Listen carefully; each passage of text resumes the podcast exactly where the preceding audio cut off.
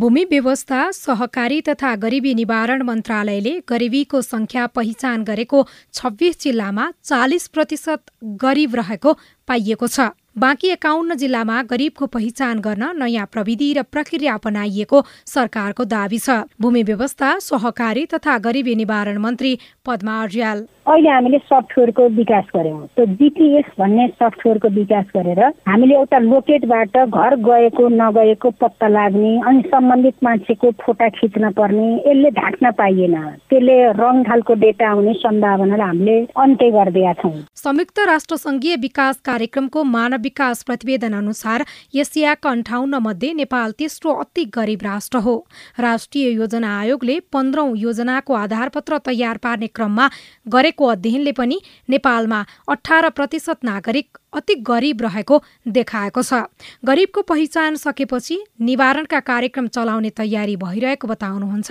भूमि व्यवस्था सहकारी तथा गरिबी निवारण मन्त्रालयका सचिव गोपीनाथ मैनाली। गरिबीलाई वेतनमुखी कार्यक्रमहरू मात्रै सञ्चालन गरेर गरिबी घट्छ भन्ने कुरामा हामीले विश्वासै गर्नु हुँदैन। गरिबीलाई सिपयुक्त बनाइदिने कर्जाको पहुँच बनाइदिने भूमिहीन किसानहरूको लागि आवासको चाहिँ व्यवस्था गरिदिने दलितहरूको लागि न्यूनतम जग्गाहरू उपलब्ध गराइदिने यो कामहरू गर्नको लागि चाहिँ हामीले नीति संरचना चाहिँ अन्तिम अन्तिम गरिबीका कारण शिक्षा र स्वास्थ्यमा सबैभन्दा धेरै असर परेको छ।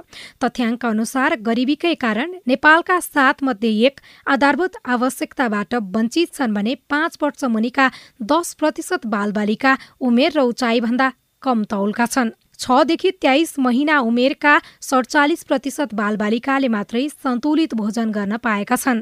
गरिबी हटाउनका लागि चालिनुपर्ने कदमबारे बताउनुहुँदै योजना आयोगका पूर्व उपाध्यक्ष डाक्टर दिपेन्द्र बहादुर छेत्री। पहिचान गरिसिद्ध्याएपछि उनीहरूलाई दिने विशेष किसिमको सुविधा के हो त्यो पनि पहिले घोषणा गर्नु पर्यो।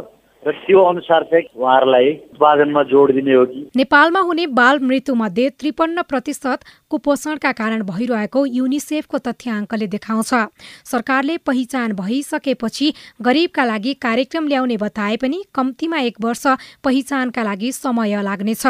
स्थानीय तहले गरिब लक्षित कार्यक्रमदेखि रोजगारीसम्मका कार्यक्रम चलाइरहेका छन् तर एक अर्काबीचको समन्वयको अभावले गरिब लक्षित कार्यक्रम प्रभावकारी भने बन्न सकिरहेको छैन। सोभिता रिसाल सिआइएन काठमाडौँ।